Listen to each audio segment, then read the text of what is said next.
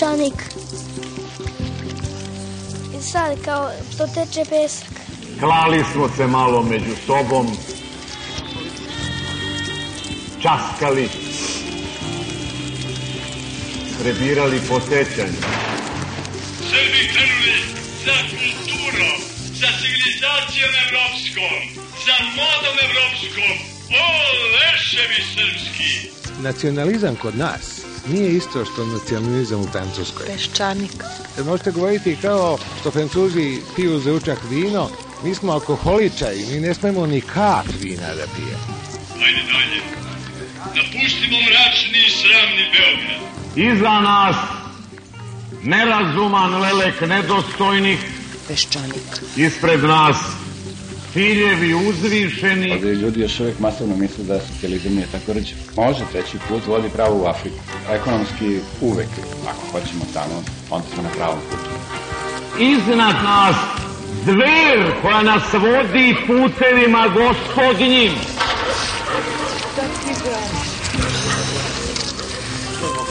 I da ne zatvorim oči, Peščanik. ja mogu da zamislim Srbiju kao najdinamičniju zemlju na Balkanu i jednu košnicu sa malo trutova i puno radilica.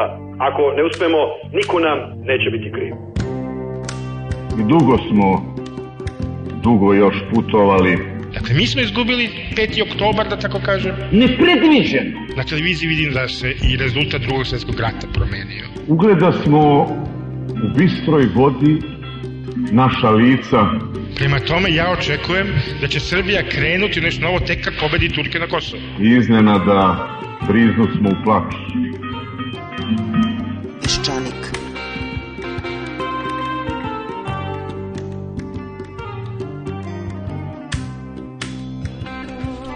Dobar dan vam želim.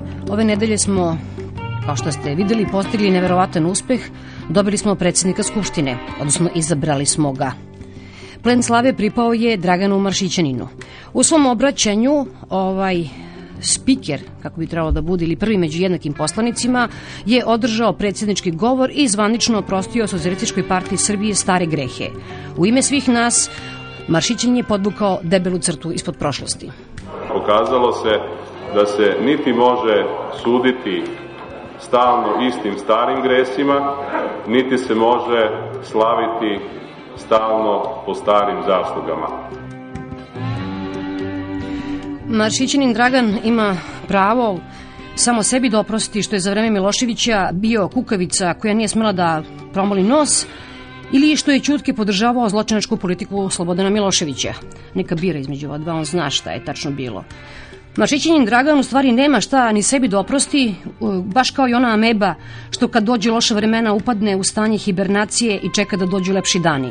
Važno je samo preživeti i nadživeti po svaku cenu. Mogao je bar da zapamti da je njihov otac nacije Ćosić napisao da svaka buba ima nagu za samodržanjem, ali da je čovek valjda nešto više. Milorad Vučelić se sa osmehom vratio u politički život i njemu je oprošteno za sve, pa i za ono što je jednom telefonom rekao Ćosiću. Ćosić u svojim pišovim zapisima kaže 1. oktobar je, Milorad Vučelić mi javlja da će večeras ili sutra piti kafu na Stradunu. Milorad Klikiće. Ono što jes, jes, Vučelić je bio zadovoljan i lepo se ponašao u Skupštini, za razliku od one budaletine od narodnog poslanika, koji je na pitanje Velimira Simonovića za koga glasa Goran Svilanović dobacivao za Merkator, za Merkator. Ne znam ime te budaletine, inače bi vam rekla. Vojislav Koštunica odigrao i ulogu vudu vrača koji crnom magijom vraća, odnosno vratio iz mrtvih one koji su nas sahranjivali u prethodnoj deceniji. Vudu vrač je stvorio zombije, poenta naravno nije u oživljavanju mrtvaca. I Hrist je vaskrsao Lazara, u pitanju je mnogo trivialnija upotreba, zahvaljujući njima on će vladati Srbijom. U redu, neće pasti nebo, što bi rekao naš sagovornik, urednik časopisa Nova srpska politička misao, Đorđe Vukadinović. Rekao bih da ova tako malo histerična reakcija jednog dela javnosti je i preterana i veliko licemerna. Pa dve godine praktično ovu vladu, postojeću i odlazeću vladu, održavaju socijalisti Baneta Ivkovića, ja ne vidim velike, neku razliku među Baneta Ivkovića, Ivice Dačića i ne znam, te njegove garniture. Tim pre što, kako je bar zvanično rečeno, nekih uslova tu velikih nije bilo. Videli smo, to može biti tačno ili ne, ali sudeći po Mihajlovu, da su socijalisti tražili između ostalog da buduća vlada iz budžeta finansira odbranu Slobodana Miloševića. Recimo ako je ovo tačno, misliš da bi to bilo u redu? Ja mislim da Sve siguran sam da se iz budžeta i hrvatskog i bosanskog finansira odbrana i hrvatskih i bosanskih osumnjičenih, dakle, kojima se sudi u Hagu. U tom smislu nije nikakav skandal da se to radi sa našima, tamo se u velikoj meri sudi ovoj državi. I čak i da nema SPS-a, svi su iz ove, dakle, koalicije koja će praviti verovatno vladu i verovatno manjinsku, uključujući tu i Mirljuba Labusa, rekli da se zalažu za to da se prestane sa izručenjima po liniji komandne odgovornosti. Dakle, nije podrška SPS-a nešto što će suštinski ili ključno uticati na stav te buduće vlade, nego bih rekao da je to pre svega raspoloženje srpske javnosti. Usjećamo se da su ove, ovaj poslednji paket optužnica za generale stigo je u jeku ove kampanje za predsjedničke izbore, ove nesrećne predsjedničke izbore, koji su definitivno izbacili Tomislav Nikolić i radikale u sam politički vrh i zapravo im omogućili u decembarsku pobedu. Direktne zasluge za to snose pre svega oni iz vlasti koji su raspisali te izbore, a onda, dakle, Karla de Ponte i oni iz Haga koji su u tom trenutku poslali te optužnice. Vidimo da i Goran Svilanović to kaže. Dakle, politički zahtevi SPS-a nisu u ovom trenutku toliko teški, ni toliko strašni, niti oni sam SPS trenutno ima tu težinu političku da njihovi zahtevi mogu, bog zna koliko uticati i kreirati srpsku političku scenu. Zato jeste preterana ova, ova galama i ova histerija o tome kako nam se vraća. Vraćamo se pre 5. oktobra ili se Milošević iz Haga će sada krojiti srpsku politiku. Milošević u ovom trenutku nema uticaja, to treba reći, niti na politiku SPS-a. Vidimo kako su oni u suštini iskoristili njegovo ime na svojoj listi, a onda su zapravo ignorisali sve njegove zahteve, uključujući i njega samog. Ali ono što oni zapravo dobijaju, ali to je nešto što se tek dugoročno može kapitalizovati politički, a to je neka vrsta političke amnestije, rehabilitacije i povratka u središte medijske i političke javnosti. Da li je to što je recimo Dragan Nošićin izgovorio? Ja sam tako to protumačilo da je to neka vrsta, i to dosta direktna vrsta, amnestije za Socialističku partiju Srbije, za ono što je činila u prošlosti. Jeste, ja mislim da to tako i treba razumeti, samo što verovatno za razliku od tebe, ja ne mislim da je to tako skandalozno. Tri godine su toga prošle, naravno svi oni pojedinci iz te stranke koji treba da budu gonjeni moralno, politički i sudski, bilo je dovoljno vremena da se ti procesi povedu. I to zaista nije ona stranka iz 90. godina. Ja mislim, i to je ono što je možda malo zvuči eretički, da je i ono što je činio DS u prethodne tri godine zavređuje takođe neku vrstu političkog karantina. A neku vrstu, dakle, političke osude, dakle, ne stvarnog karantina. Oni nisu poštovali proceduru, nisu poštovali mnoge stvari koje demokratija podrazumeva. Odjednom, to ima istu težinu. Kao kad su u pitanju stranke koje nisu poštovale pravo ljudi na život. Neko je u poslednje tri godine izgubio posao, to je strašno. Ali kao da... Nije isto, da kao, Nije isto, ali sve vreme se govori u stvari kao da je to isto. Prvi Koštunica kaže imamo istu distancu prema demokratskoj stranci, srpskoj radikalnoj stranci. A u stvari se ponaša kao da je to isto. A radikali ne moraju imati ništa u programu. Mi te ljude znamo. Mi smo s tim ljudima živeli vi godina, a neko je od tih ljudi ili politike koju su vodio izgubio život, a ne posao. Da li je moguće da mi toliko ne razumemo suštinu demokratije da, mi kažemo, 5. oktobar oni su bili politički kažnjeni, posle 5. Yes. oktobra nisu dovođeni postupci, to je kao da se ništa nije desilo. Idemo ljudi od nule. To što mi poruči, recimo, Vučić ima istu težinu kao kad mi nešto, recimo, poruči Boris Tadić. Zato što mi poštujemo samo proceduru i samo što su ljudi izgovorili trenutno. Razumem ja tvoje pitanje, razumem tvoju nelagodu i tvoj gnev, ali moram ti reći da na kraju krajeva to ima istu težinu. Ako Vučić kaže da su 2 i 2 4, to onda ima potpuno jednaku težinu kao i kada, dakle, Boris Tadić kaže da su 2 i 2 4. Tim pre što sam se poslednjih godina iz redova stranke koje je sada na čelu ili će biti možda Boris Tadić, često su stizale poruke da su 2, 2 3, 5, 7, 8 i ko zna koliko. To je vrlo uverljivo zvuči kada kažeš tamo su gubljeni životi, ovde se eventualno gubljen posao ili su neke, neka svojina je maknuta, taknuta i nestala netragom. Kako to ima istu težinu? To ne, meni nije jasno. Naravno da nema istu težinu, ali ti, tvoje pitanje je zapravo vrlo sugestivno, zato što ti postavljaš e, znak jednakosti između te dve stvari. Ovde nema sumnje da su činjene, da su neko iz vlasti I to ne tako baš sitni službenici kao što se pokušava predstaviti, bože moj, činovnici vlade. Kakvi crni činovnici vlade, dragi moje, to je šef kabineta, to je desna ruka pokojnog premijera. Dakle, da su neki ljudi bliski vladi i iz vlade i bliski, znači, i pokojnom premijeru, činili direktna nepočinstva, privredne prekršaje i ko zna šta još.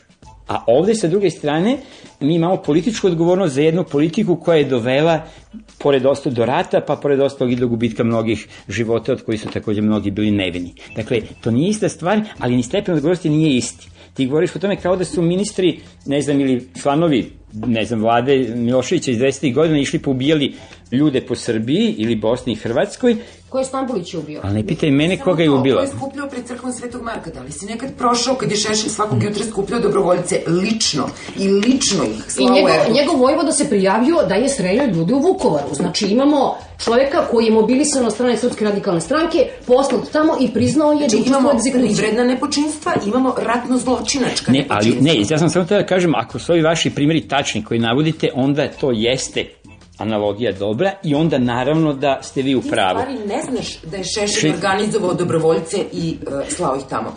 Nikad nisi pa, otišao ujutru u šest da vidiš to. Ma isto tako znam, koliko znam Šešelja i njegovu stranku, da se on uvek volio više hvaliti, ovaj, više hvali se nego što je činio i radio. Problem u tome, na kraju krajeva, što i taj Šešelj je u Hagu, zbog nečega mu se sudi. Druga stvar je što se e, Srpska radikalna stranka nije na taj način emancipovala od njega kao što je SP zaista u velikoj meri emancipovan od Slobodana Miloševića. Naravno su motivi različiti. Ne kažem ja da su se oni emancipovali od Miloševića zato što osuđuju njegovu politiku, nego pre svega se on od njih distancirao zbog svoje neke manije veličine i želje da sve kontroliše i iz Haga i iz groba i to je prosto takav karakter i takva struktura ličnosti. Šešelj je tu mnogo, mnogo lukaviji. Ali iz bilo kog razloga, dakle, ne možemo poceniti stepen evolucije u SPS-u. Oni učestvuju u tim znači, parlamentarnom životu, znači u Skupštini Savetu Evrope, raznim delegacijama, primaju ih, oni odlaze. U tom smislu, oni jesu na putu da postanu jedna normalna parlamentarna stranka, vrlo slična onim komunističkim strankama ili bivšim komunističkim strankama iz istočne Evrope.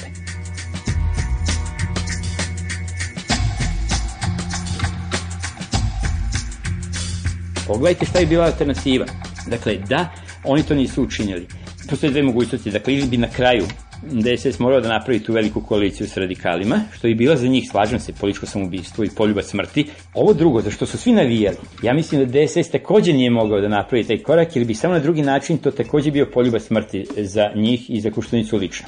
Em što bi morao da pređe preko opet svoje reči i eksplicitne izjave, nezavisno da li je ta izjava opravdana, bez obzira da li ta simetrija, to ono što vama smeta, da li je ona ispravna ili nije, i dalje mislim da oni pod ovim uslovima nisu mogli da pristanu, pogotovo na tako ucenjivačke zahteve koji su dolazili iz demokratske stranke. E sad, zašto je DS išao tako, kažem, od ovih karakteroloških objašnjenja, mi smo takvi, hoćemo onda sve da dobijemo, kad pobeđamo hoćemo totalnu pobedu, kada ginemo onda da ginemo skroz, ali ja mislim da su prozični razlozi. Prosto ova unutarstranačka kampanja koja se vodi unutar demokratske stranke je prosto uticala na to da svaki od lidera, da ne bi pokazao slabost prema protivniku, on trenutku je glavni protivnik zapravo DSS. Onda su oni se prosto utrkivali u tome ko će postaviti oštrije zahteve. I Mićunović, i Tadić, Živkoviću ne govorimo, a pogotovo Čedinu Jovanoviću da ne govorimo. I čak i Boris Tadić koji je stalno bio sumničen kao da je on tu kolaborant ili kao da je spreman da pod nekim uslovima napravi dio sa Koštunicom, na kraju ima morao da se radikalizuje i da ne bi kvario svoje šanse i svoj izgled da postane predsednik DS-a. Dakle, u tom smislu moram reći da je Srbija, odnosno makar formiranje parlamenta, bilo talac nerašićenih odnosa unutar demokratske stranke.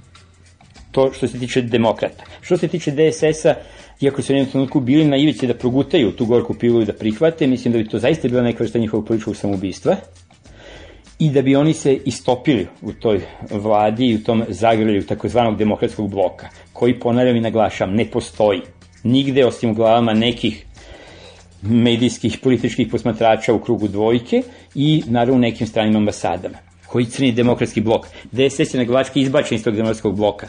SPO nije ni prihvaćen u njega i tretiran je, ajde da budemo pošteni, neopravdano je tri godine tretiran kao maltene stranka bivšeg režima. Sada odjednom i Vuk, i Velja, i DSS, i G17 plus sada odjednom postaju deo demokratskog bloka, da bi se pokazalo da nekako možemo da nategnemo većinu brojčano i u parlamentu. Da je DSS prihvatio, to bi kratkoročno zadovoljilo navijače i simpatizere tog fantomskog demokratskog bloka, ali dugoročno rekao bi to bio kraj ne samo DSS-a, nego i veliki problem zapravo za razvoj srpske demokratije i prosto opstanak srpskog društva, zato što kogod došao na vlast, i to je pojenta do koje nikako da dođemo, kogod formirao vladu, bilo ona većinska ili manjinska, ima jako male šanse ta vlada, pa i taj da Bog zna šta uradi. Ne samo zbog njegove nesposobnosti, već zbog toga što prosto su ovim nagomilani nacionalni, socijalni, politički problemi toliki u Srbiji da gospod Bog ih on trenutku ne bi mogao rešiti. Dakle, takva vlada, nazovi demokratskog bloka, koja bi bila rastrzana sukobima i svim onim što već znamo iz prethodnog perioda, a koja bi zaista predstavila neku vrstu obmane, neku vrstu obmane biračkog tela. Jer to treba reći, ma kako je uvijek problematično tumačiti rezultate izbora i uvek se mogu navlačiti ovako ili onako, ipak sa dosta prava i pouzdanja možemo reći da su i na ovim izborima znači srpski birači glasali protiv vlasti, protiv vlade. I kada bi sada na mala vrata ponovo taj DS kao zapravo kičma i oličenje te vlasti ušao, to bi zaista bila neka vrsta prevare birača. I to je Koštunica nekoliko puta potezao kao važan argument da narod je kaznio demokratsku stranku zbog onoga što je ona činila. I ne znam gde je taj reper. Demokratska stranka Srbije je dobila nešto malo više glasova i može se reći nekom matematikom da je 87% građana ove zemlje, što direktno, što indirektno glasalo protiv Demokratske stranke yes. Srbije. Na osnovu čega su sada a, ljudi glasali protiv demokratske stranke, a nisu kaznili i demokratsku stranku Srbije. Jeste, to je argument koji potežu ovi DS-ovski analitičari.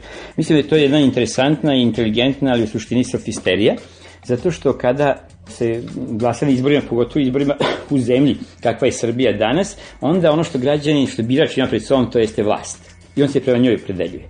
Znači, opredeljuje se za ili protiv nje, a kada se opredeljuje protiv, e onda kaže, protiv sam skroz, totalno, pa ću onda za one koji su najžešći kritičari, protiv sam malo, malo manje, pa ću onda za one koji su malo manji kritičari. Dakle, eto, iz toga ja crpim to uverenje, nije razliku glasova i ono što presuđuje. No svejedno, dakle, pretpostavimo da da je napravljena takva vlada. Ona ne bi ništa uradila, a protiv izvan te vlade bismo imali veoma snažnu radikalsku opoziciju, pre sve radikalsku, a naravno onda i SPS, koji bi se mnogo prava mogli da naglašavaju da je volja građana izigrana, da ovi ništa neće uraditi i da se samo svađaju kao što su radili i prethodne tri godine. Trajala ta vlada 3-6 meseci ili 3 godine, mada mislim da je mnogo verovatnije da ne bi sastila više od godinu dana, na tim sledećim izborima, ako bi uopšte stiglo do izbora, ubedljivo i pobedili radikali. Dakle, mnogo je bolje da ova vlada koja se pravi bude što uža, što manjinskija. Evo sad neki predlog koji niko nije izneo. Da i G17 plus ostane izvan vlade. Neka i on podrži s polja, ako se plaše da time daju demokratama preveliki kredit i lagodnu poziciju da oni s polja kritikuju. Super, ostanite i vi izvan, a istovremeno čuvate dve respektibilne sa ili bez navodnika demokratske snage i demokratske stranke kao neku vrstu balansa i protiv tega radikalima. Znači, to je bila jedna, rekao bih onda... Ko bi manji... vlada? To bi bila jedna demokratsko-nacionalna, nacionalno-konzervativna, kako hoćete, vlada DSS-a, SPO i Nove Srbije. Ako hoćete i profilisanu koju tu vladu, ja mislim da nema kompaktnije u ovom trenutku u Srbiji. Šta bi ona uradila? Nemam pojma. Ne verujem da bi uradila mnogo manje, a svakako ni mnogo više nego da su tu i G17+, pa čak i demokrate. Ali znači, za političku scenu, za zdravlje političke scene je to možda mnogo sresnija varijanta. U slučaju ovoga za čin većina vas ovde žali, ili većina naše, nazovi demokratske javnosti žali, većinska vlada demokratskog bloka, dakle u toj varijanti tog prostora ne bi bilo i zaista to onda više nije katastrofizam i neko prizivanje najsrednjih scenarija, nego jedini logičan ishod je, dakle ili ćemo imati haos, pa radikale ili prvo radikale pa onda haos. A šta bismo imali radikali kad si ti rekao da se socijalistička partija menjala, da radikali takođe u programu nemaju ništa što bi bilo sporno, Možda će da budu fini ljudi za možda godinu dana. Možda će. Zašto bi bilo to katastrofična verzija? Neka onda DSS recimo napravi koaliciju sa radikalima. To je stvarno nekako većinska volja naroda. Jeste. A što se tiče ove aluzija na to kako, bože moj, pa šta se, šta kukam, šta se plašim, pa menjaju se radikali, menjaju se SPS, znači menjaju se. Ne znači da neće kroz, ne znam, određeno vreme te stranke na ovaj način učestvovati u vlasti. Evo, SPS posredno ima šanse da to čini i neće pasti nebo. Možda će to tako biti i sa radikalima, ali misle da će pre toga morati skinuti one majice i to ne samo i stvarno skinuti, nego i u ideološkom smislu skinuti one majice sa šešljivim likom. Da li će to dogoditi danas, sutra ili preksutra, vidjet ćemo. Ni tada neće pasti nebo, kao što možda ako bolje pogledamo, možda bi se mogli složiti svo troje da je već palo u nekom političkom smislu ovde u Srbiji.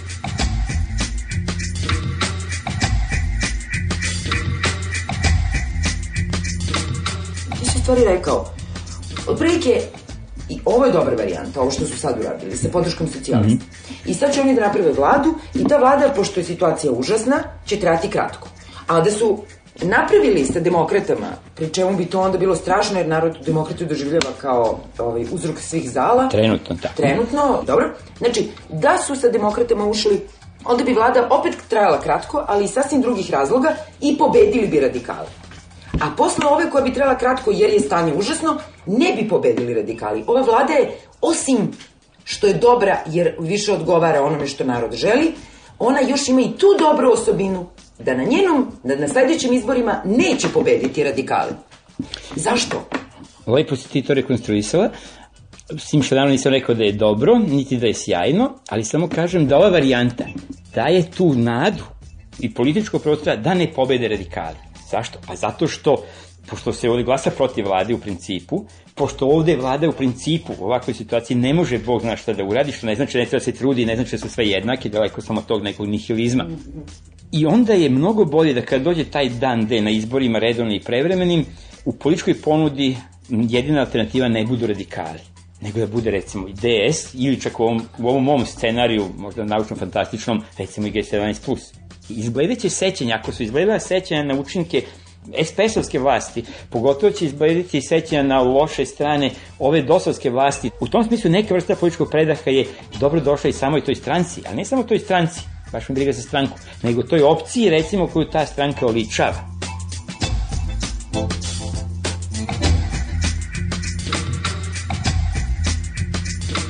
Da je recimo odmah izabran predsjednik demokratske stranke. Ne zaboravite da demokratska stranka ima vladu. I kada dobije predsjednika Skupštine, taj predsjednik Skupštine dodeljuje mandat.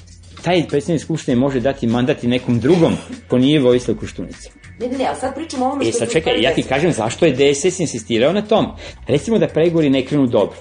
U tom trenutku DS kaže dobro, nisu uspeli pregovori, ostaje status quo, može će biti novih izbora kroz par meseci, još ćemo jednom doneti, produžiti privremeno finansiranje i naša vlada ostaje do dalje. Dakle, bilo je jednog i drugog. I opravdane ili možda preterane bojazni da ćemo biti izagrani, izigrani, ali je bilo i očigledno želje da se bar nešto dobije, da, da joj učine bar neki gest.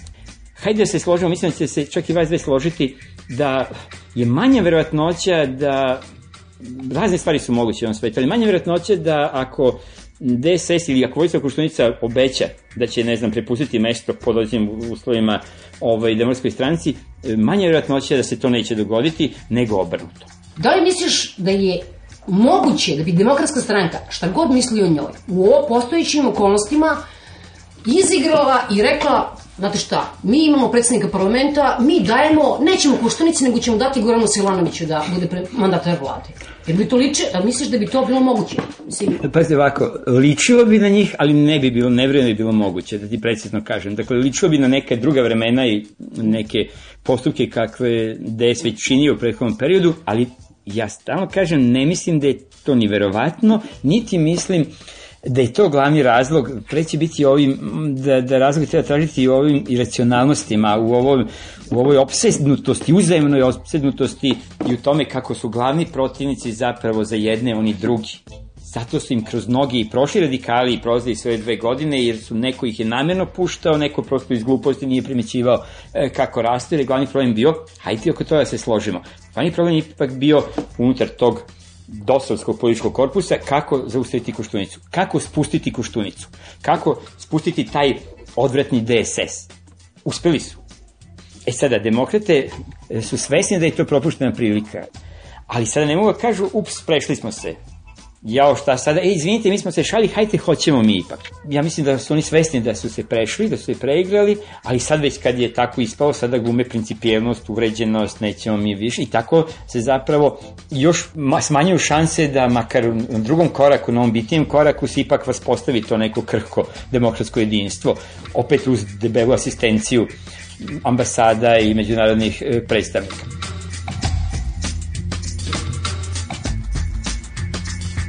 Da li je po tom mišljenju bolje za ovu zemlju da ima vladu u kojoj učestvuje Socialistička partija Srbije ili Demokratska stranka? U ovom trenutku, a dugoročno gledano, mislim da je bolje bilo da tu vladu podrži SPS. Peščanik.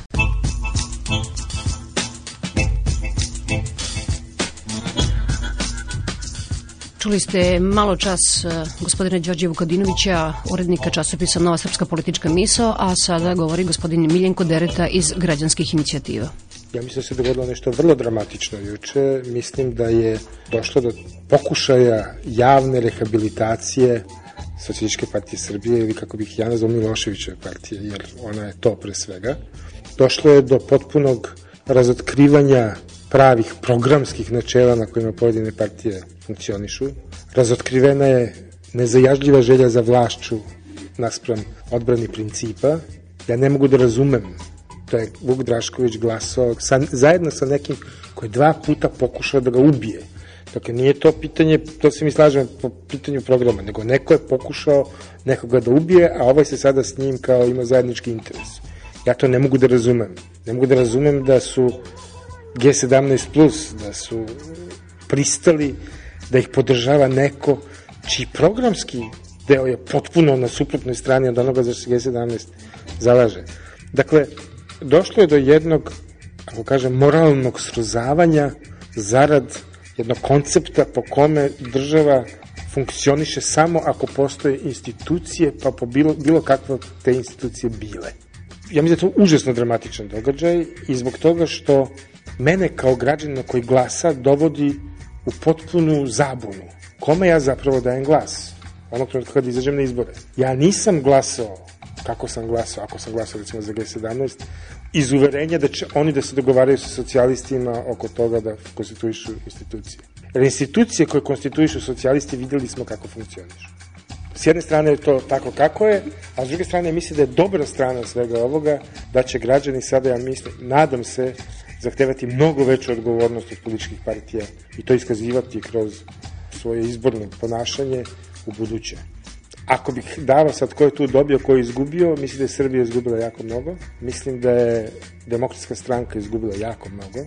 Moj to utisak od juče takođe, to je da je ona ostala pomalo usamljena u svemu tome. Ovi drugi su glasali, ali su se stidali, a ovi su glasali i vrlo se radovali. I mislim da je jedina koja tu profitirala, u stvari, demokratska stranka, dugoročno. Naravno da će sada se na nju obrušiti svi kao, eto, natirali ste nas, ali su ih natirali, bez obzira na sve okolnosti, ipak iz nekih principa.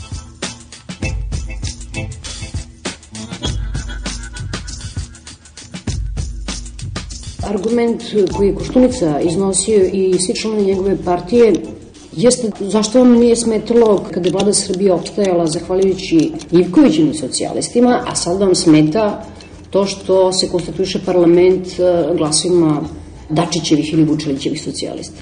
Prvo, nije, ja se ne sjećam da je bilo glasanje o poverenja vlade koju je podržao Ivković. Ja se ne sjećam da je to bilo, možda je bilo sumnja. Znači, bilo je dogovora, nije bilo podrška vladi, nego je bilo dogovora oko nekih zakona. To je potpuno drugi nivo saradnje. Naravno da postoje zakoni koji se čak u Skupštini donose jednoglasno.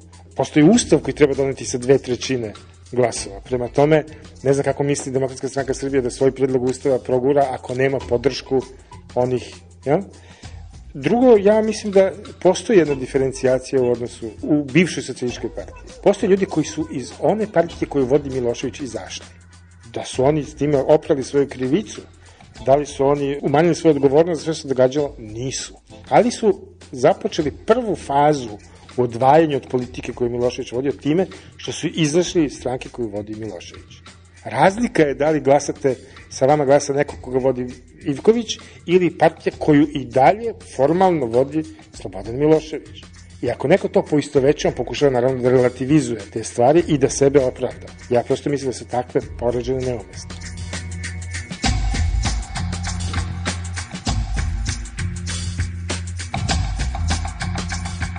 Pokazalo se da se niti može suditi stalno istim starim gresima, niti se može slaviti stalno po starim zaslugama. Kada je Maršićanin izašao za govornicu, izašao je, trebalo bi kao prvi među jednakima, čovjek koji treba da omogući rad parlamenta. Međutim, u govoru je on u stvari amnestirao socijalističku partiju, nije ima održao. Ako se, sam ja dobro razumela taj govor. Jeste, apsolutno, to je ovo što sam rekao. Znači, e, e, u jednom članku koji sam pripremio, vratno će sutra izaći, ovaj, ja sam nazvao rehabilitacija umesto lustracije. On je relativizovao odgovornost i relativizovao krivicu. On ih nije oglasio krivim za nešto, pa ih onda oslobodio te krivice. Ne, on je uveo princip zaborava, što je po meni užasno opasno kao pravna osnova bilo koje države. Ali ja moram da kažem da za mene lično je apsolutno uvredljivo, kao nekog ko živi u Srbiji, da nam takvi ljudi zauzimaju takva dva važna mesta ili da nam takav čovjek zauzima tako dva važna mesta. Ako u Srbiji mi nismo uspeli do sada, a to je isključiva odgovornost političkih partija, da pronađemo čoveka sa dovoljno autoriteta, dovoljno znanja, dovoljno poštenja i tako dalje i tako dalje, da predstavlja Srbiju kao njen predsednik, nego to mora da obavlja gospodin Maršićanin, bivši predsednik opštine, ne znam ja šta, sa kvalifikacijama koje ima i sa načinom komunikacije i stepenom netolerancije koje ima. Znači, mi imamo sada predsednika koji je rekao da sa jednom političkom strankom koja je osvojila zavidan broj glasova, nema komunikacije, onda o kakvom predsjedniku svih građana Srbije mi govorimo? Pritom držanje tih moralnih lekcija čini mi se sa mesta koje je čisto formalno, znači on je speaker, on je tehničko lice u Skupštini, to je malo uvredljivo za sve nas. Juče je bila na, na televiziji, je gostao posle dugo vremena Brana Crnčević i rekao nešto vrlo zanimljivo. Govorio je o tom salonskom opozicionarstvu i nacionalizmu i o potrebi da se u jednom trenutka on lično uključi, on se naravno uključio na način kako se uključio i to je naravno pitanje izbora. Ja mislim da je cela situacija u kojoj se nalazimo, da o nama odlučuju oni koji ništa nisu činili osim što su postojali formalno, koji nikada nisu učestvovali na pravi način ni u jednom obliku protesta građana. Uvek su se od toga distancirali, oni sada odlučuju zapravo o našoj sudbini. Ja mislim da je to veliki poraz za sve nas koji smo za drugačije bili od početka, koji smo bili proaktivni i meni je užasno žao što se sve ovo dogodilo sa, sa demokratskom opozicijom Srbije, jer je pokazalo ogromno političko neznanje. I ono što, što me najviše brine o ovome što se sada događa jeste da oni koji ne znaju šta jeste politika, a politika po meni podrazumeva između ostalog i analizu posledica svojih odluka. Znači, kad neko meni kaže, mi smo ili za manjinsku vladu, znači za nešto što može se srušiti od danas do sutra, ili za izbore, ja hoću da mi on izloži analizu šta donose izbori. Šta će se to na izborima promeniti? Kakav se to nova preraspodela snaga dogodila u društvu u roku od dva meseca koja će promeniti ovu sliku? Da li to znači predaju vlasti drugima, svesnu predaju vlasti drugima koji su još ekstremniji? Dakle, ja očekujem jednu veštinu u našem političkoj eliti. Ona, nažalost, ne postoji. Ona nije poslana u trenutku kada se rušila bivša vlada. Znali su se rezultati. Građanina normalnog, ne znam, medij koji nije predvideo rezultate, koji nije rekao mnogo pre izbora da više neće biti dovoljne dve stranke za koaliciju, da će biti potrebno najmanje tri, ako ne i četiri, i sve što se moglo predvideti se dogodilo. A ipak se uporno oslalo na tome da se nešto sruši, a da se nije znalo šta će se na tome izgraditi. Tako da naša politička scena po meni sve više liči na onu rupu na Slaviji, koja večito opstaje, a nikako na njoj nešto se izgradi.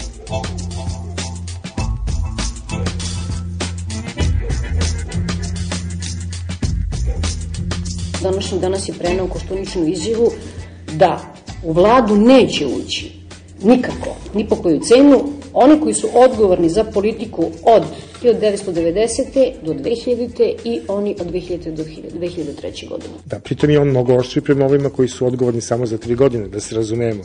Jer sa njima ne može uopšte, a sa ovima ipak može, bar sa nekima od njih. Prema tome, ne, nije ona ekvidistancija od te dve strane, naprotiv. Ja mislim da je to smešno što on izgovori, jer to znači da se politikom mogu baviti samo oni koji ne preuzimaju nikakvu odgovornost. I oni su zaista vodili takvu politiku poslednjih 13 godina. Znači nisu se mešali ni u šta. Kad su dobili mogućnost da utiču na politiku, opet kao najbrojnija stranka, oni to nisu umeli da urade. Ja se izvinjavam, praksa to pokazuje. jer su pogrešno interpretirali politiku kao takvu, smatrajući da je politika nešto gde je papir važan, a iza toga ne slede konkretne akcije.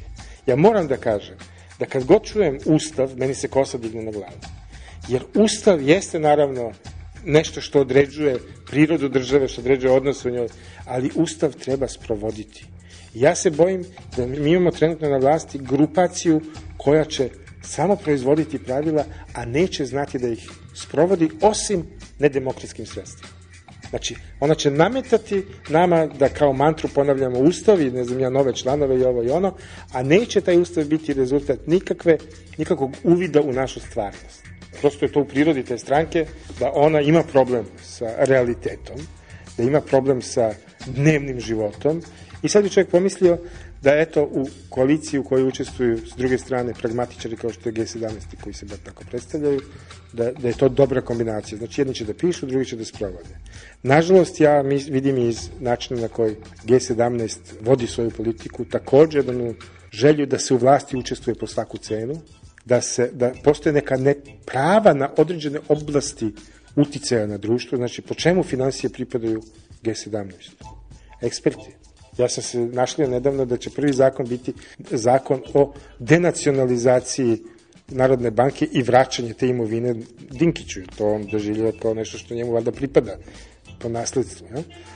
Dakle, kompromis koji je napravilo u ovom trenutku G17 plus mene jako brine.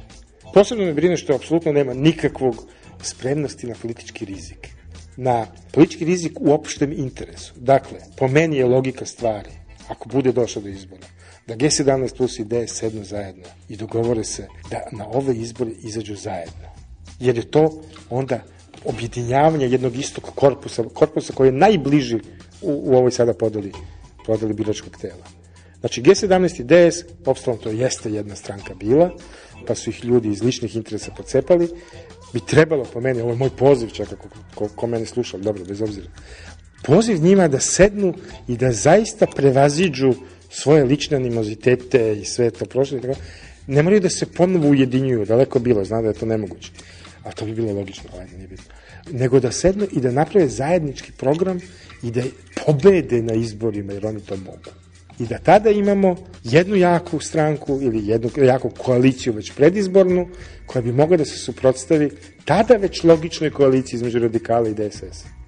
Jer ja znam da je srce vuklo DSS ka koaliciji sa radikalima i samo zbog uticaja spolnog faktora, kako su sami priznali, ja mislim da do toga nije došlo. Da kad nije moglo sa velikima da su napravili ono jedno malo, tek toliko da zadovolje svoje potrebe.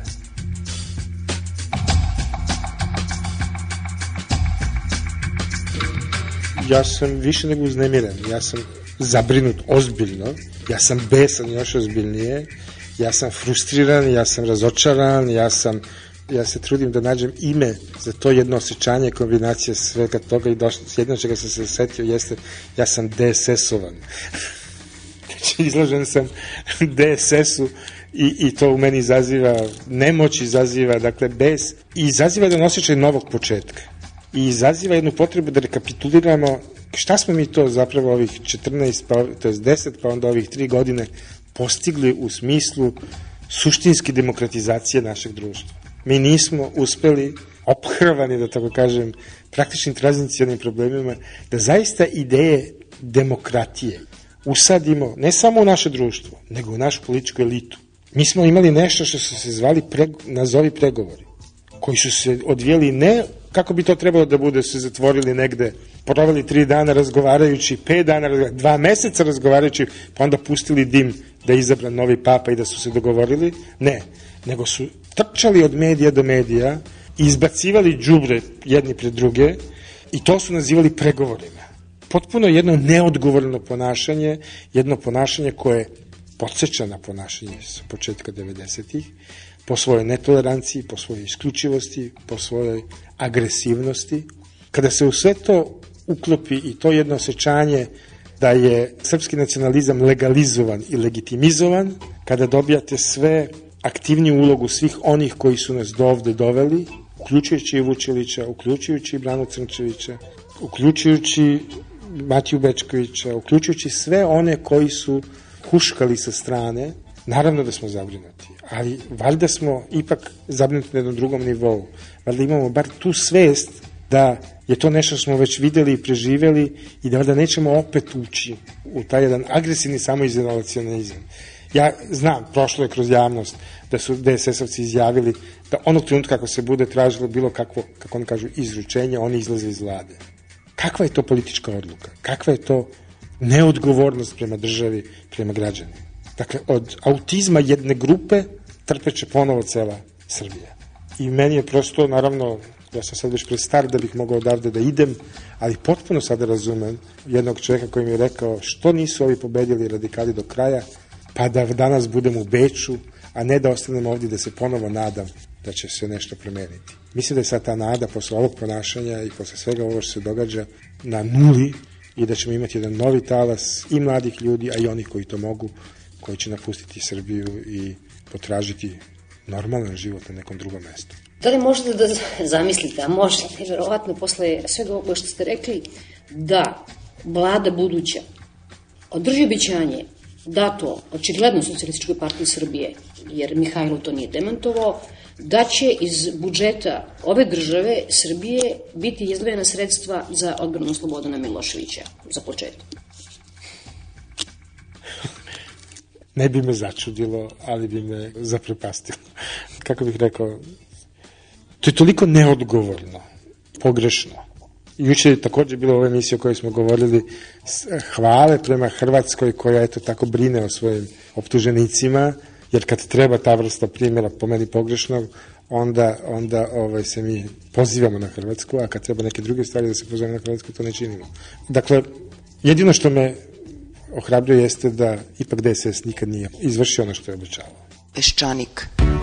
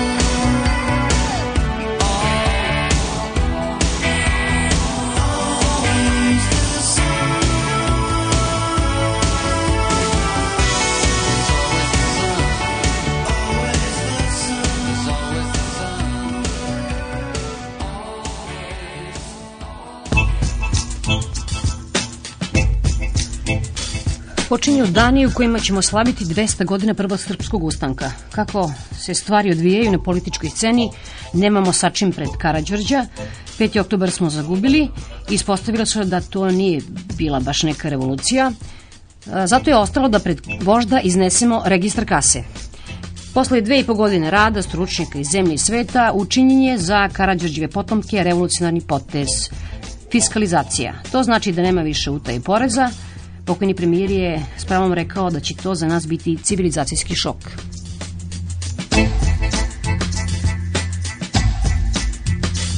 Proslava 200 godina moderne srpske države, tačnije prvog srpskog ustanka, a još tačnije bune protiv Dahija, pošla je naopako, kako nam i dolikuje.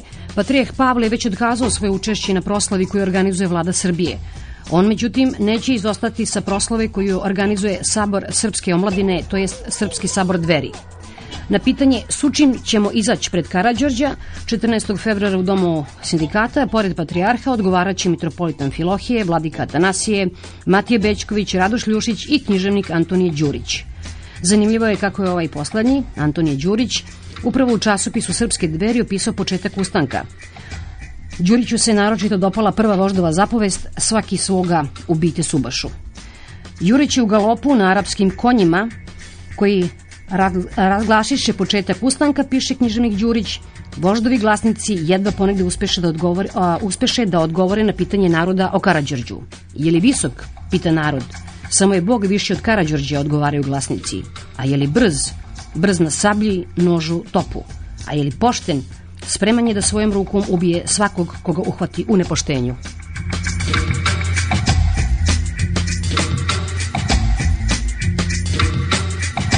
Naš sagovornik Slobodan Marković, saradnik Instituta za evropske studije, smatra da bi možda bilo najbolje da ovu proslavu odložimo. Proslava 200 godina, kako se ovde ističe na 200 godina državnosti, mada nije to sve bila nezavisna država, nego to je država neka u, u nastajanju, ali dobro.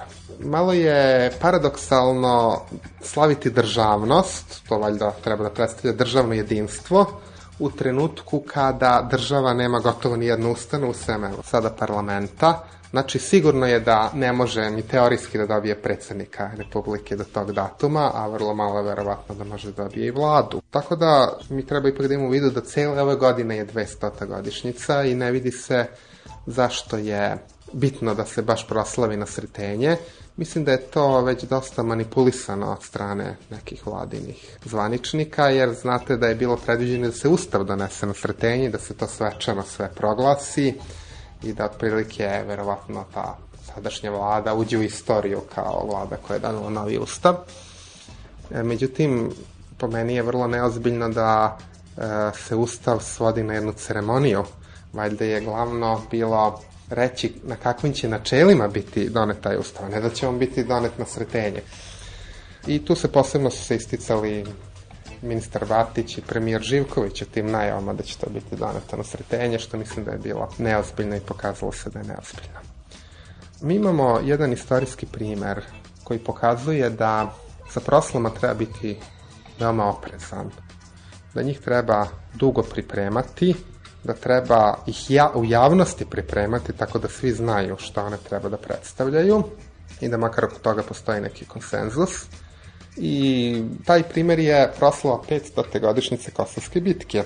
Dakle, to je trebalo da se dogodi 1889. To se dakle događa jednu deceniju posle Berlinskog kongresa, onda kada je nacionalna ideja uprla oči prema Kosovu i Makedoniji, za razliku od onog prethodnog perioda kada je bilo smereno na Bosnu. I te godine je trebalo da se odigra za Vidovdan jedna velika svečanost u celoj Srbiji.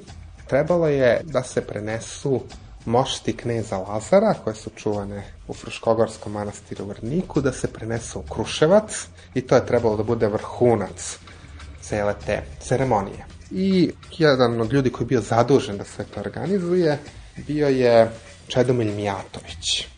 Dakle, bio je ministar inostranih dela, zastupnik ministra financija i predsednik Srpske kraljevske akademije. I njemu je zapalo dužnost da to organizuje. Ali, na nesreću, došlo je do promene vlade. I ta vlada, da kažemo polunaprednjačka vlada, je smenjena jednom radikalskom vladom. Dakle, jedna kažemo, spoljno-politički proaustrijska vlada, zamenjena je jednom više proruskom vladom i šta se dogodilo? Cea proslava izgubila smisao, jer više nije bilo moguće da proruska vlada nagovori Austriju, ili bio potrebna saglasnost cara lično da se prenesu te mošti. I mošti nisu prenete, ali tu se ne završava priča. Da nisu samo prenete mošti, još bi to ispalo i dobro. Međutim, te godine je došlo i do političkog progona. I to su čuveni majski događaj koje je vrlo plastično opisao Slobodan Jovanović. Tada se dogodilo da su naprednjaci, znači koji su više nisu bili na vlasti, održali jedan zbor u bašti velike pivare. I to zbor koja je pristalo 2000 ljudi. Ali naravno, nova vlast nije bila zadovoljna da sad bivša vlast nešto organizuje. Pa je na kraju zbora su poletele silne kamenice na naprednjake. Tu se pojavio tadašnji vajni ministar unutrašnjeg dela i on im je rekao da se ništa ne brinu, sve je pod kontrolom. Ali pri izlasku su ponovo počeli da ih kam kamenuju i kao kaže jedan izvor, kamenice su padale na njih kao da ih neko posipa žitom. I, kako kaže Slobodan Jovanović, ovo je bio prvi put da Beograd vidi bunu fukare.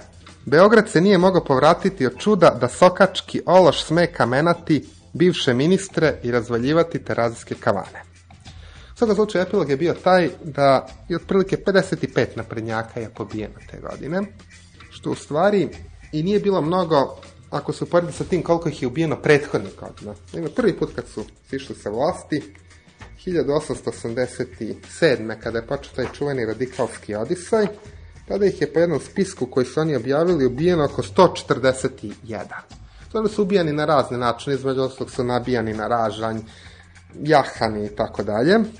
Ali suština je da u toj godini kosovskog jubileja ubijeno je oko 50 naprednjaka. Dakle, ne samo da nisu mašti prenete, nego su i politički neprijatelji ubijeni. I evo jednog teksta, ako dozvolite da vam pročitam. Odmah ga je napisao i kasnije ga objavio Čedomilj Mijatović, da vidite malo atmosfere sa tadašnje proslave. Vi koji ste 14. i 15. maja kamenjem i motkama ubijali i rušili, besomučno klikćući napred radikali. Vi koji ste oskrvnili divljačkim vandalizmom lepo ime prestonice Srpske i sumnju nabacili na obrazovnost, pitomost i slobodoumnost građanstva njenog, vi koji ste zadali tešku ranu ustavnosti kamenjem, pretrpavajući jednu od najosnovnijih i najglavnijih sloboda njenih, vi koji ste obesvetili svetinju pomena Kosovskog, vi ćete imati da date odgovor na ono strašno pitanje Bogu pravde i istoriji narodnoj. U jednom tako almanahu koji je objavio sve te spiskove pobijenih, jedan je naprednjak napisao jednu vrlo dirljivu pesmu koji kaže I grob se do groba žalosno niže, ko će ih ređa, tima ih dosta, na domu sama siroča dosta, po celoj zemlji grobova dosta. Dakle, to je jedna atmosfera iz tog vremena. E sad, tu imamo jedan vrlo interesantan zaključak, poučan, Slobodana Jovanovića. On na ime kaže da nisu sve ove žrtve posledica političkih progona, nego da su delimično proizvodi hajdučije, što je nesumnjivo tačno, i onda zaključuje, jer treba da imate u vidu, to je baš ta godina. Dakle, godina u kojoj se proslavlja 500. godište Kosovske bitke, godina u kojoj se uvodi demokratija. I vidite na koji način se uvodi. Znači, vlada postaje odgovor na skupštini, ali ubijeno je, evo, 50 ljudi. Sad kaže Jovanović komentarišući to. Raspuštenost u narodu objašnjavala se kao prirodan odisaj, posle policijske stege koja je vladala do ustava od 1888. Sada se preterivalo sa slobodom, kao ranije sa stegom. Po seotskim krčima se govorilo nema više kuluka, nema kažnjavanja, radikalija, slobodija. I sad znate, to je bilo pre više od 100 godina, tako da pretpostavljamo da danas niko ne bi tako strašno reagovao, ali ostaje za naručenije ta činjenica da u godini u kojoj dolazi do smene vlade, u godini u kojoj su političke strasti veoma visoke, nije moguće organizovati jednu svečanost koja treba da simbolizuje narodno jedinstvo. I zbog toga se meni čini da je najprirodnije da se ova svečanost odloži za nekoliko meseci, prosto da se ne bi doživeo fijasko.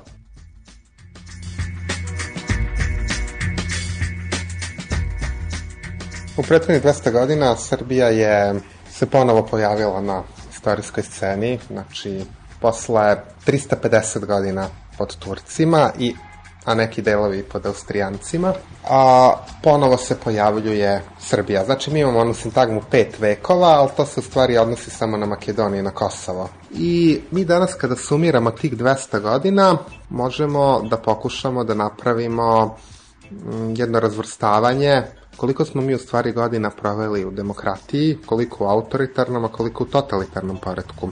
Po ovome mojom računanju ispada da smo u prethodnih 200 godina oko 30 godina živjeli u demokratiji, oko 155,5 godina u autoritarnom poredku i 14,5 godina u totalitarnom poredku. Srbija je dobila prvi ustav koji je stupio na snagu takozvani Turski ustav već 1838. Srbija je ustavom iz 1869. dobila stalnu Narodnu skupštinu, ali ta skupština nije imala dovoljno ovlašćenja. Dakle, tek po ustavu iz 1888. odnosno januara 1889. po novom kalendaru, vlada postaje odgovorna skupštini. Ali je taj prvi poredak e, kratko trajao, do aprila 1893. kada je mladi Aleksandar Brenović izvršio državni udar. Dakle, taj prvi zračak demokratije trajao je neke četiri godine. I onda imamo tu obnovu demokratije od 1903. godine, od majskog prevrata. Naravno, ona je u senci uticaja vojnih krugova, vojne kamarile u prve tri godine. Ona je u senci aneksione krize, balkanskih ratova, početka Prvog svetskog rata, ali ipak možemo to značiti kao jedan demokratski poredak, dakle razdoblje od majskog prevrata pa do austro-nemačke okupacije Srbije oktobra 1915. godine. I onda treće demokratsko razdoblje bi bilo razdoblje od ujedinjenja u kraljevinu Srba, Hrvata i Slovenaca do zavođenja lične vlasti a, kralja Aleksandra Karađorđevića do takozvane šestojanarske diktature koja je zavedena 1929. godine i konačno Četvrti period demokratije bi bio od um, oktobra 2000. godine do danas sa onim izuzetkom vanrednog stanja koji bi po definiciji spadao u autoritarni poredak i su bile suspendovane, suspendovana prava medija i neka lična prava. I kad saberemo ta četiri razdoblja, stižemo do 30 godina demokratije u Srbiji. I interesantno je pomenuti da je i Freedom House dakle nevladina organizacija koja se bavi istraživanjem indeksa slobode u svetu, po prvi put u izdanju za 2003. rangirao Srbiju sa odrednicom Slobodna zemlja. Dakle, po prvi put je, od kada oni vrše te svoje akete, ona ušla u kategoriju slobodnih zemalja. Ako uzmete da je odnos bruto nacionalnog proizvoda Srbije i Grčke 1 prema 8 po glavi stanovnika i ako bi naš bruto nacionalni proizvod rastao za 1 raste 2% brže godišnje nego grčki, nam bilo potrebno nešto malo preko 100 godina da stignemo njihov bruto nacionalni proizvod po glavi stanovnika. Znači, prosto to je jedna zaostalost koja se meri, bojim se, decenijama i to u odnosu na najnerazvijenije trenutno članice Evropske unije. I sada, znate, govoriti da smo mi lider na Balkanu u takvom kontekstu je stvarno vrlo ili proizvod jednog potpunog neznanja ili proizvod suludosti, znate, teško je sad reći, ali jedna te dve stvari, jer prosto ta zaostalost je zaista ogromna. Predrag Matvejević, književnik, mostarac i jugosloven, došao je u Beograd na otvaranje izložbe o izgradnji novog starog mosta u Mostaru u Muzeju istorije Jugoslavije. Izložba će obići Evropu i završiti u Njujorku. A na otvaranju Beogradske izložbe gospodina Matvejevića, Matvejevića napale su neke srpske patriote. Znate, meni je svaki povod dobar da dođem u Beograd. Ja sam vezan s Beogradom i prije ovoga nesretnog rata Gotovo dva puta sedmično sam bio u Beogradu. Ovaj put je povod bio, pozvali su me mostarci, kao što znate ja sam rođen u Mostaru, nekoliko stotina metara od staroga mosta, taj stari most je završen, e, još se obnavljaju kule koje su također srušene, kraj mosta je ovaj prilaz bit će u julu će biti ta svečana predaja i Mostarci su napravili jednu takvu manifestaciju u Zagrebu gdje je, koju je otvorio predsjednik Mesić, ovdje je otvorio izložbu predsjednik Marović, te jedan grad koji se nije uspio ujediniti, sad dobiva most. Most je dugo odlagan, upravo zato što ljudi oko mosta nisu bili ujedinjeni. Oni koji su ga rušili znali su što ruše, znate. Ja ih zovem kršćanski talibani ili hrišćanski ako više volite. Zašto bi bili talibani samo muslimani? Zar nisu naši talibani Hrvati koji su srušili ovaj most, Srbi koji su srušili prekrasne džamije kao Aladija ili Ferhadija u Banja Luci su biseri orijentalne arhitekture. Zar to nisu talibani? Isti kao oni talibani koji su u Afganistanu gađali budističke spomenike, znate. Kad kažem Hrvati koji su srušili stari most, Srbi koji su ga počeli rušiti ili koji su rušili Sarajevo ili Srebrenicu, stavljam te riječi pod navodnike. Da odvojim takve Hrvate, takve Srbe od onih pravih, čestitih ljudi, Hrvata i Srba koji su zajedno s nama, rekao bih, plakali kad je most srušen. Ja sam, kao što znate, bio jedan od osnivača UIDija u Zagrebu, udruženja za Jugoslavensku demokratsku inicijativu, smo podržali Antu Markovića, željeli smo naći makar jedno labavo konfederalno rješenje da bi se samo izbjeglo rat. Valjalo bi sve učiniti da Bosna i Hercegovina bude Republika Bosna i Hercegovina, to je država koja može funkcionirati. U zadnjim izborima su pobjedile vjersko-nacionalne stranke, detonski sporazum je zastario, Republika Srpska se ponaša kao da je čardak ni na nebu na zemlji, ali u svakom slučaju ne u Bosni. Evo, čujem pobjednici na izborima u Beogradu još uvijek govore o granici koja će ići od Vukovara prema Virovitici, od Virovitice na more prema Karlobagu. Dakle, nisu zaboravili te, te tribalne parole koje smo čuli na početku ovih strašnih događaja koje proživjela naša zemlja. Iz ovog govora, odnosno toga što ste vi govorili na ovoj izložbi, šta je to i koga je to uznemirilo? Kod nas ljudi vole samo da se kaže nešto drugome. Mislim da bi bili svi zadovoljni da sam ja samo govorio o tome da su Hrvati slušali stari most. Premda su Srbi slušali u Mostaru još četiri mosta, druga, samo su bili lukaviji od Hrvata, nisu htjeli simbolični most, jer se to vidi i osjeti. Manifestacija se završila savršeno mirno. Jedno se skupio nekakvih par ljudi sa nekim divljim očima, neka suluda žena koja govori o 12 ubijenih braće koji su ubili muslimani, a 13 su, da su navodno stavili na, na kolac nabili. Rekuše mi da se ta žena javlja takva luda na takvim manifestacijama i da ih ometa. A ovaj jedan drugi opet počeo mi govoriti, kad sam malo pošao dalje, jedan mi uhvatio ono za, za, za, za prsluk. Šta ti misliš? To je propaganda ustaška opsada Sarajeva i, i, i Srebrenice zamislite, ljudi još koji žive s tim. No, međutim, to nije bio, nikome nije udario, to je bio tako samo jedan grubi nasrtaj. Mislim da su neki, mm, od što se tiče mene, ljuti zbog mojih tekstova u danasu, ja sam opisao srpske izbore i rekao sam da su sramni. Na sličan način sam govorio o hrvatskim izborima, da je sramno što se vratio HDZ, međutim, i o tom sam govorio, znate, kod nas danas kritička riječ se nađe uvijek u jednom tjesnacu između između izdaje i uvrede. Ako govorite kritički o svojima, to je izdaje. Izdajniče jedan kako možeš. Ako govorite kritički o drugima, onda si uvređaš. Znate, prema tome, između izdaje i uvrede na takav način se sužava prostor kritičke riječi i, i ona praktički umire. Ima još jedna druga alternativa koja je postala recimo davno između šutnje i protesta. Bilo je nekad vremena kad šutnje znamala već duboko značenje. Za vrijeme drugog svjetskog rata Ivo Andrić i Miroslav Krleža nisu objavili jednog redka. To je bila riječita šutnja. Ta riječita šutnja je potrošena. Došli smo u vrijeme kad je šutnja na neki način ili konformizam ili saučesništvo a toliki su šutjeli. Šutjeli su za vrijeme Srebrenice, šutjeli su za vrijeme opsade Sarajeva ili pak, sjećam se, Zagrebačka televizija, prva vijest kad je srušen most u Mostaru, bila je srušio se most u Mostaru. Dragi Bog je brdno prstom pa se on srušio. Valja će negdje svesti račune, te ja nisam pristalica da nekih progona, procesa, nekih sudskih kažnjavanja i na kraju ovog reprinta knjige Jugoslavenstvo danas napisao sam tekst jedan prijedlog za razmišljanje. Kako se odnositi prema onima koji su izričito svojom riječju podržavali ono što se dešavalo. Ja bih samo prisilio na jednu vrstu stida, znate, kad prođu pored ljudi dobre volje, a posebice kad prođu pored žrtava, da sagnu glavu i da se postide.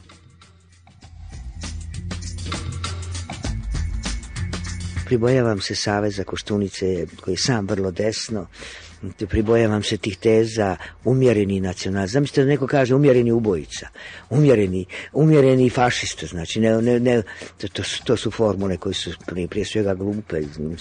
Ja sam bio početka protiv legaliste koji nije htio legalno pre, predati kriminalca međunarodnom pravu da mu sudi. Znate, postoji niz sankcija koje nisu deklarirane javne sankcije. Tihe, gotovo nepriznate sankcije koje vam razbijaju sve vrste ugovora, koje vam ekonomski vas dovode na prosjački štab, a Srbija je već dodavno blizu prosjačkog štaba. Ako se napravi jedna veza između Koštunice i, i recimo Miloševićevih pod navodnicima socijalista, Znate, naravno da će biti blokiran njihovom podrškom u odnosu na Haški sud kad se njihov šef nalazi u Haškom sudu. Dakle, potpuna blokata, nesuradnja s Haškim sudom će doći do institucija evropskih koje odlučuju o tom kod Međunarodnog monetarnog fonda, koje odlučuju o tim tihim sankcijama. Srbija je već suviše stradala. Znate. Kad je bio bombardiran Beograd, ja sam pošao s svojim student, 50 studenta Rimskog univerziteta u američku bazu Avijanu da protestiramo. Koliko god sam znao da je su učinjena monstruozna zlodjela prije tog bombardiranja, znate. Ja sam u Italiji otišao u Otranto. Dakle, su dolazili u gumenim čancima Albanci. Oni stariji znaju, više mladi ne znaju srpski. Stariji znaju. Pa su mi počeli pričat, kad sam vidio te cifre, 600.000 ljudi koje je kroz brato pomaknuta, bačena iz svojih mjesta. Konačno znate da su, da su frižiderima dolazile, dolazili do, do, do Dunava i do Batajnice e, mrtvaci. Znate, znao sam po prilici šta je učinio vožd. A s druge strane, znao sam kakva je osveta nije prema voždu, nego prema srpskom narodu, prema narodu koji je za mene bratski narod. I ona to svim parolama koji su već izvakane, bratstvo, jedinstvo i tako dalje, za mene su Srbi bratski narod i ja ću umrijeti sigurno s takvim jednim stavom. I vidio sam da opet bombe padaju na Beograd. Znate, moj otac kad je došao iz Rusije 1921. došao je u Beograd ovde, svirao noći, studirao, 41. kad su ga Njemci zarobili u vojsci Jugoslavenskoj, mogao se vratiti da je rekao, znate, emigrirao iz Rusije, to je bilo po... Rekao, ne, ostajem sa Srbima. Prema tome, kad čujete ove kritičke riječi, kad govorim o Srebrenici, kad govorim o srušenim spomenicima, o Aladi, Ferhadi, kad govorim o monstruoznom opkoljenju i rušenju Sarajeva. 1350 dana. Te najveći i najduži, najduža opsada u novijoj historiji Evrope bila je Leningrad, 900 dana. Ovo je još godina više, više od godine više. 1350. I znate, ta stvar, ta stvar ne prodire do svijesti ljudi, znate. Sam se s nekim dragim prijateljima, poštenim ljudima, ali koji se tako žive u nekom svom zapečku. Kažu, znaš, ali je Izetbegović kriminalan kao i Milošević kao Tuđman. Taj je čovjek branio to malo muslimana, znate, ja sam podsjetio jednu krasnu formulu Srbina muslimana Meše Silimovića koji je govorio negdje u Dervišu, bilo nas je premalo da postanemo jezero, a previše da nas upije zemlja. Srbi i Hrvati su ih u ratu htjeli da ih upije zemlja.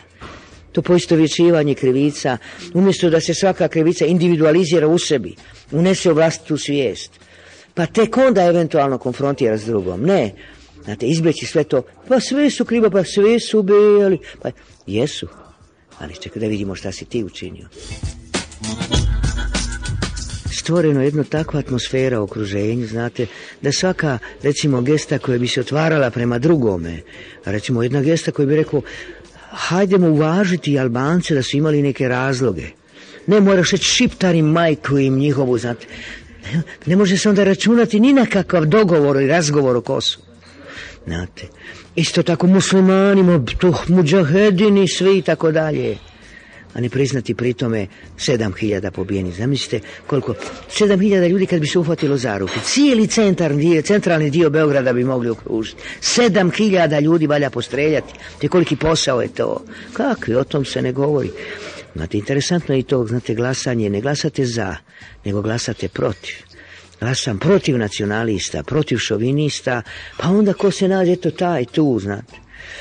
Za sada u ovoj situaciji sa ovakvim izbornim rezultatima, sa odbijanjem glasačkog tijela tri puta da izabere predsjednika jedne zemlje, na jednom brodu bez kormilara, na jednoj vladi koja nije, koja je na neki način ostala, nije izabrana. Znate, tu signali obećanja izostaju. Možda kad sljedeći put dođem u Beograd možda bude drugčije, U svakom slučaju ja ću doći opet u Beograd, neće me moći spriječiti ni oni koji napišu neke tekstove, znate. Sam toliko stvari pročitao o sebi. Znate, za, e, toliko puta sam bio u Hrvatskoj izdajica, a, u Srbiji neka mračna ličnost koja se miješa u srpske poslove. Šta on to hoće? Znate, jer se ne smije biti, biti e, Jugoslaven. Vam jednu malu, malu, mali događaj iz moga, za ovog boravka u Beogradu. Ja sam se stanovitim oklijevanjem pristao da se ovim bosancima, mostarcima odem u, na Titov grob. Ja sam negdje 70. godina, nakon što je smijenjen Nikezić i Latinka Perović napisao pismo Titu s prijedlogom da se povuče sa svih funkcija. To je mene koštalo isključenja iz partije, kritika, ja sam dolazio u Beograd zbog toga što nisam mogao objavljivati u Zagrebu stanovito vrijeme. I prema tome nisam se osjećao baš dužnim da idem. Međutim, pošli su u Mostarci, zašto bi se ja desolidarizirao s njima, osim toga, kad uzmete Tita, usporedite sa ovima, pa to je, to su i onda tamo su me zatekli neki ljudi da kažem nešto. Prva stvar koja me, koja me je ubila pojam, ulazeći imate jedan zid, jedno metar visok, cijelom visinom zida, piše, pogledajte, možete provjeriti, Jovanka Broz, Srpska kurva, Josip Broz, Ustaša. Slušajte, na spomeniku, tako, znate. To je isto kao kad ovi uh, uh, fašisti po Dalmaciji ruše spomenike ovim, ovim palim borcima, antifašistima koji su se borili. Znate, otišli smo gore i tako vidio sam te mlade djevojke iz Mostara, ta grupa Mostarske kise, ko pjeva neku zagorsku pjesmu, one muslimanke, pjevaju neku pjesmu iz Zagorja za svaku tvoju re, dobru reč, kaj reći su nam znao, što je tako dirljivo na neki način, nešto, nešto govori o jednoj širini jedne zemlje i tako. I onda su me počeli pitati šta, u vezi s Titom. I hoću vam to da kažem kao eto moj stav. Tita u Zagrebu nacionalisti mrze što je pod navodice izdao Hrvate, Hrvatstvo i bio Jugoslaven internacionalist. U Beogradu ga mrze čak i akademici poput Dragoslava Mihajlovića zato što je Hrvat. Sad kad se na ovaj način bijedan, žalostan obračunivaju s njim hrvatski nacionalisti, proustaši i, čet, i pročetnici u Srbiji, valja im napomenuti to koji je to srpski lider tako bio sahranjen kao Tito u Beogradu? I ko je to prošao tako pobjedonosno Srbijom? S juga njezinoga do samog Beograda i u Beogradu se sreo s braćom Rusima. Kad je umro Franjo Tuđman, došao mu je samo turski predsjednik, on koji je mrzio muslimane, kao da je Bog htio da ga kazne, samo on. Ko je došao, Milošević završava ovako neslavno, brukajući svoj narod, svim onim što je dopustio da se učini, jer mi znamo da on mrdnuo prstom, ne bi bilo Karadžića i Mladića. Znamo koliki je utjecaj, imao koliko... Ne mogu nas obmanuti, slušajte, mi znamo sve o Jugoslaviji, mi smo Jugoslaveni. Ja sam krivac morao bi se kajati, znate, ja sam branio iz, uz ostale. Rajka Nogu, kad je u Sarajevu, slagao je da su ga nešto tamo tukli, kak i nekoga malo gurno. Znate, gore su mene gurnuli pre, preksinoć u Beogradu. Branio sam ga, dovodio sam ga u, u Zagreb, na pozivu, on kada niko nije htio pozvati na razgovore, sve vidite šta dobiva nagrade za svoje ultranacionalističke tekste i brani ubicu Karadžića i Mladića. Branio sam ovako da ostanem u Beogradskoj Šešelja. S njegovoj ženi smo slali pen klub Hrvatske, kad sam ja bio predsjednik, slali smo novce. Zna imamo priznanice, ne može se to ne demantirati. Džogi smo slali također pomoć iz Hrvatske. Zamislite šta bi hrvatski nacionalisti da ja Džogi šaljem pomoć, recimo od ovih tu. Momu Kapora sam branio kad su ga napali, što je da je potpisivo knjige Četnicima u Kanadi. U dugi izašao moj tekst Momo Kapor, Četnik početnik, sa ironijom kako mogu reći to mom. Momo danas kaže, šalje svoje knjige Miloševiću, molim vas, u, u Hag da ga čita Miloševići i napada muslimane na jedan besprimjeran način. On vidi drviše kako plešu po Sarajevu u času kad tamo ginu pod, pod, pod Karadžićevskim bombama ljudi, on derviše vidi. Branio sam i Franju Tuđmana kad je rečeno da ima četiri infarkta. Rekao sam, ako ima četiri infarkta, treba ga pustiti zatvor. On je bio pak prvoborac, partizan i ne može se tako obračunavati s njim. Drago mi je što sam branio vladu Gotovca. On je bio nastupao kao nacionalista, kasnije kad su nacionalisti pobjedili, postao najljučiji kritičar Tuđmana i prvi rekao prije mene, Tuđman je kič. Dobrici sam pisao da skine s repertoara Kolubarsku bitku da se u tim u tom okružju ko, koji se vidio na sceni Kolubarske bitke vide svi nacionalizmi koji mogu prodrijeti. Tad sam bio neprijatelj Srba, jeli, ja koji sam proglašen neizlječivim srbofilom od hrvatski nacionalista, odjednom sam, jer sam rekao kritičke riječi, znate. Nekajem se što sam branio te ljude, znate. Možda će neko i mene braniti.